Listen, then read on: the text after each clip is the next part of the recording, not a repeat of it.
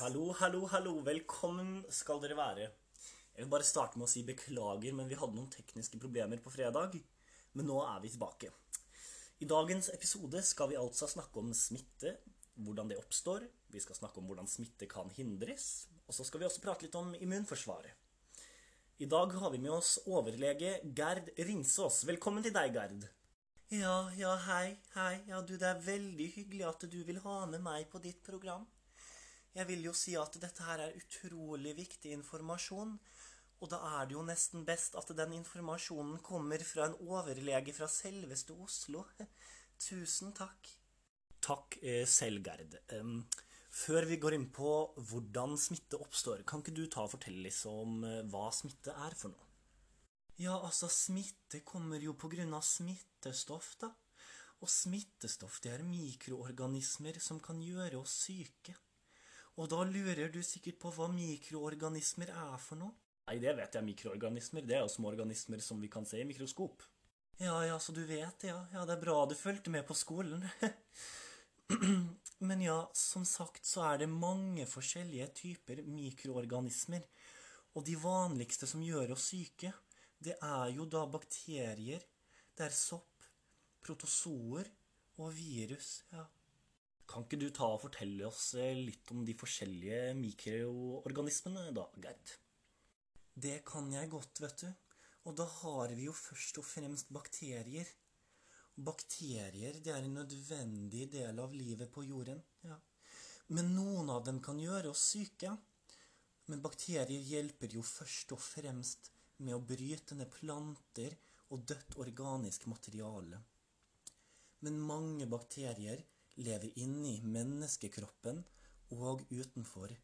Og en del av disse beskytter oss mot andre litt sånn rampete bakterier som gjør oss syke, da. Og noen sykdommer som oppstår av bakterier i kroppen, er f.eks. gonoré eller lungebetennelse og urinveisinfeksjon. Mm. Med en gang de fleste mennesker hører ordet bakterie, så føler de kanskje at det høres litt skummelt ut. Men eh, da hører vi jo det her fra Gerd at bakterier er jo egentlig en helt fantastisk ting vi har i kroppen, som hjelper oss på mange forskjellige måter. Eh, Men så kan det også ha bivirkninger. Eh, La oss gå videre til neste Gerd. Ja, neste, det blir vel sopp, det, da, ja. Og da snakker vi ikke om kantareller, nei. nei. Du, det var litt morsomt at jeg skulle nevne kantareller nå, for jeg har nettopp skrevet en kokebok, ja. Ja, den kommer ut om snart to uker, så da er det jo bare å løpe og kjøpe. Ja, du, vi trenger, jeg tenkte vi skulle ta det på slutten av programmet, Gerd. Fortsett med soppen, du. Ja, jeg beklager så meget. Det var ikke snilt, men nå får vi vel gå videre, da. Så det er vel sopp, ja, og sopp det ligner litt på cellene i kroppen vår, og de er litt større enn bakterier. De fleste soppene er veldig nyttige, men andre kan føre til sykdom. Vi har en spesiell type gjærsopp som ligger i naturlig i slimhinner, annet i munnhulen og i kvinnens skjede. De lever egentlig i balanse, men innimellom kan det forstyrres ved at bakteriene blir myrdet av en antibiotikabehandling. Og da, da kan soppen formere seg og gi infeksjon. Det er bare å fortsette til neste gard. Vi sitter og hører. Ja, ja, men da har vi jo protozoer, da, og det er en av de minste dyreartene. Og dyreartene? Ja, dyreartene, ja. ja. Vil du at jeg skal fortsette, eller skal du bare ta over hele greia, kanskje? Nei, fortsett. Bare fortsett. Så bra. Protozoer da er en av de minste dyreartene, og vi må se i mikroskop for å se dem. De er encellede, men større enn bakterier og sopp. Noen av dem kan gi oss mennesker sykdom, f.eks. smittsom infeksjon i skjeden. Og hvis gravide utsettes for denne smitten, så kan det føre til fosterskade. Og dette har vi jo sett i tropiske strøk, hvor protozoer er mer utbredt og fører til sykdommen malaria. Ja, ja den uh, malaria er jo den hvor de barna blir helt vanskapte, stakkars. Ja, det er den, ja. Og det, det skyldes da protozoer som da utvikler malariaen. Ok, da går vi videre til neste. Ja, det er jo den siste virus, da. Og virus det er ganske så spennende, faktisk. Virus det er da den minste organismen vi kjenner til som kan gi infeksjon. Du skjønner, virus det former seg ved å trenge inn i levende celler og overta produksjonen i cellen. Og noen virus kan gå i dvale, akkurat som en bjørn, og venter til at allmenntilstanden til personer svekkes. Og når dette skjer, og viruset våkner, merker vi symptomene til viruset. Og sykdommer som dannes fra dette, er f.eks. herpes, forkjølelse, vorter eller aids. Ok, Gerd. Da har du fortalt oss litt om eh, de forskjellige smittestoffene. Vil du nå si litt om eh, hvordan smitte oppstår?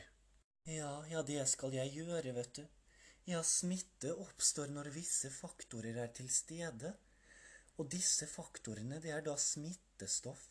Det er smitteskilde, eller altså da en smittebærer med smitteutgang. Smittemåte, det må være til stede, og smittemottaker. Og disse faktorene utgjør da det vi kaller for smitteskjeden. I denne smitteskjeden så har vi jo allerede pratet om forskjellige smittestoff. Vil du nå fortelle oss litt om smitteskilden? smittekilden? Ja, smitteskilden det er da der mikroorganismene eller smittestoffet kommer fra. Ofte er mennesker smittekilden, men andre ting kan også være kilden, som eksempel infisert mat, vann eller dyr. Ja, jeg husker jo den ene gangen hvor min kjære onkel Mario var på tur i Orlando med familien sin. Ja, det var vel i 2015. Der ble han rett og slett bitt av et ekorn med rabies. Han ble jo helt spinnvill. Men så fikk han jo selvfølgelig hjelp fra profesjonelle leger i Oslo. Å, gud hjelpe, stakkars Mario. Eh, hvordan går det med han nå? Nei, nå er han kjære Mario død, ja. Han ble bitt av en hund med rabies på Majorstuen. Ja, det var litt uheldig, uansett. Videre til programmet. Fortsett. Ja, ok, ja, men for at en smittebærer da skal kunne smitte andre, så må smittestoffet ha en smitteutgang. Det vil si måten smittestoffet kommer ut på. Og det er jo utrolig mange utganger men du ønsker kanskje ikke at vi skal gå i detalj? Nei, det kan vi vel se for oss alle sammen. Spytt, nese, hei hå, alt mulig rart. Ja, blant annet, ja. Og når vi har et smittestoff i oss, så kan vi smitte andre før vi blir syke, mens vi er syke, etter at vi er syke, og til og med uten at vi er syke. Ja, og det vil da si at du er en frisk smittebærer, men du kan fortsatt smitte andre. Faktisk så smitter gjerne de friske smittebærerne flere fordi de ikke vet at de er smittet selv. Ja, det har seg sånn. Ok. Når vi er smittet, så tar det da en liten stund før vi blir syke, og dette kaller vi da for inkubasjonstiden. Det varierer veldig med tiden fra sykdom til sykdom, selvfølgelig, og visse sykdommer bruker lengre tid på å klekke, kan vi vel si.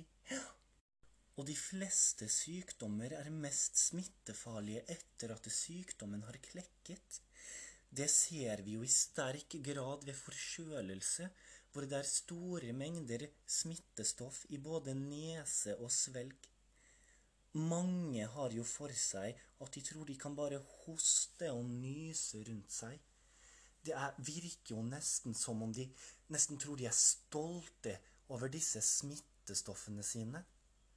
Så mitt tips til dere som hører på, er pass på når nesen renner, eller så blir det ikke bare deres bihuler som brenner. Ja, jeg er litt stolt over det lille sitatet der, ja. Jeg har faktisk hengt det opp på kontoret mitt, innrammet i øverste etasje, ja på sykehuset i Oslo. Den var jo litt morsom, da, Gerd. Ja, jeg vet, jeg er ganske stolt over den. Men uansett, når det er sagt, så vil jeg jo gjerne påpeke at det smitte spres etter sykdomsperioden òg, så vær varsom selv om du har blitt frisk. Ja. ja, altså, jeg er alltid varsom, jeg, når som helst, uansett når. Neste. Gerd. Kjør på. Ja, da har vi jo smittemåten, da, som er de forskjellige måtene smittestoffet overføres på fra smittekilden. Og da har vi jo kontaktsmitte, som vil si at smittestoffet overføres ved direkte eller indirekte kontakt med smittekilden.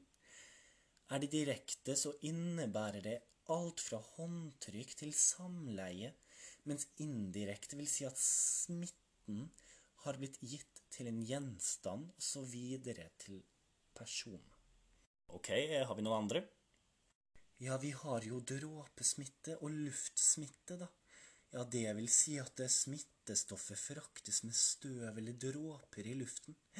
Og hvis noen hoster ut dråper, så kan dråpene ha smittestoffer i seg og smitte andre.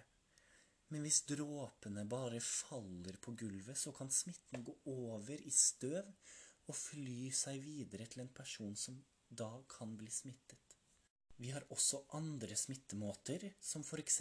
mat- og vannsmitte og blod- og vevssmitte. Da er det vel bare én del igjen uh, i smitteskjeden. Fortell om den, uh, Gerd. Ja, ja, da har vi jo smittemottakeren, da. Og denne personen får smittestoffet inn gjennom det vi kaller smitteinngang. Og det kan jo være alt fra munnen til nesen til skjeden. Og når mottakeren er smittet, så har vi havnet inn i denne onde sirkelen som vi kaller for smitteskjeden. Og den må vi bryte så fort som overhodet mulig. Ok, men eh, hvordan kan vi bryte denne onde skjeden, som du kaller det? Nei, når vi skal bryte smitteskjeden, da, så må vi hindre at smitten sprer seg videre. Og forskjellige tiltak du kan iverksette for å få til dette, er god personlig hygiene, mathygiene, renhold, sterilisering osv. Og, og det er veldig viktig å være renslig, generelt, rett og slett. Og det er veldig viktig med god håndhygiene, og pass alltid på at du går rent kledd. Og som jeg også snakket om tidligere, så er det veldig viktig at du ikke nyser eller hoster rundt deg som en villmann. Ja, ja, nei, ha alltid med deg et papirlommetørkle i tilfelle, ja. Tusen, tusen takk for all informasjon, Gerd. Da tenker jeg vi går neste til siste del av programmet, som da er immunforsvaret. Eh, Gerd, kan ikke du bare starte å fortelle oss hva immunforsvaret er for noe? Ja, ja, sa immunforsvaret er jo da kroppens forsvar mot fremmede mikroorganismer og kroppens reaksjon på fremmede stoffer. Immunforsvaret kan faktisk oppdage celler som forandrer seg, og ved utvikling av kreft, f.eks. Ja. Immunforsvaret det deler vi faktisk inn i to forskjellige deler, nemlig det ytre forsvaret og det indre. Da kan vi jo f.eks. starte med det ytre immunforsvaret, da. Så kjør på. Ja, altså det ytre immunforsvaret, ja, ja, det har vi på huden og i alle åpninger og inngangsporter på kroppen. Ja, Det ytre forsvaret det har i oppgave å hindre at mikroorganismer kommer inn i kroppen og gjør oss syke. Ja, en av måtene det ytre forsvaret beskytter oss på, er normalfloraen. Ja, og kroppens normalflora er da altså millioner av mikroorganismer som er på huden eller åpninger på kroppen. Ja. ja. Og dens viktige oppgave det er da altså å passe på at skadelige mikroorganismer skal slå seg ned og slå leir, så å si. Ja. Og de beskytter mot infeksjoner, men det kan også føre til sykdom om de havner et sted de ikke skal være, og det kan f.eks. føre til at man får blærekatarr. Ja. Blærekatarr, ja, det skal visst være ordentlig guffent, har jeg hørt. Eh, ikke at jeg har opp opplevd det selv, men jeg har visst hørt at det ikke er noe ålreit. Um, ja, fortell oss litt om uh, hva det indre forsvaret er for noe, da, Gerd. Ja, ja, så det indre forsvaret, ja, ja, det er det da som skal beskytte kroppen, og mikroorganismene har kommet seg forbi det ytre forsvaret, da og inn i kroppen vår. Og det indre forsvaret det består av hvite blodceller som produseres av benmarg inni knoklene. De fraktes da rundt i blodet og i kroppen og angriper så å si alt som er fremmed, for eksempel unormale celler. Det har seg faktisk sånn at de hvite blodcellene kan oppdage om det er fremmede mikroorganismer i kroppen, og starte, som sagt, så å si et angrep mot det fremmede. Ja. Veldig, veldig spennende å høre det du har å si her. før vi fortsetter, så må jeg bare få en ny eh, kopp med kaffe her. Eh, Henrik, kan du, kan du hente en eh, ny kopp med kaffe for meg, vær så snill? Ja, sjø. Det er jo så kjekt å være sånn der podkastleder, vet du. Da får du jo kaffe bare du knipser med fingeren, nærmest. Ja, men er du sikker på at du vil ta imot en kaffe fra han, da? Jeg hørte at han hostet litt. Er han vel? Ja, Han sa han var litt dårlig i dag tidlig, men det går sikkert helt fint. altså. Det er ikke noe å bry seg om. Nei, ok, da. Det er greit, da. Skal vi se her. Kaffen din.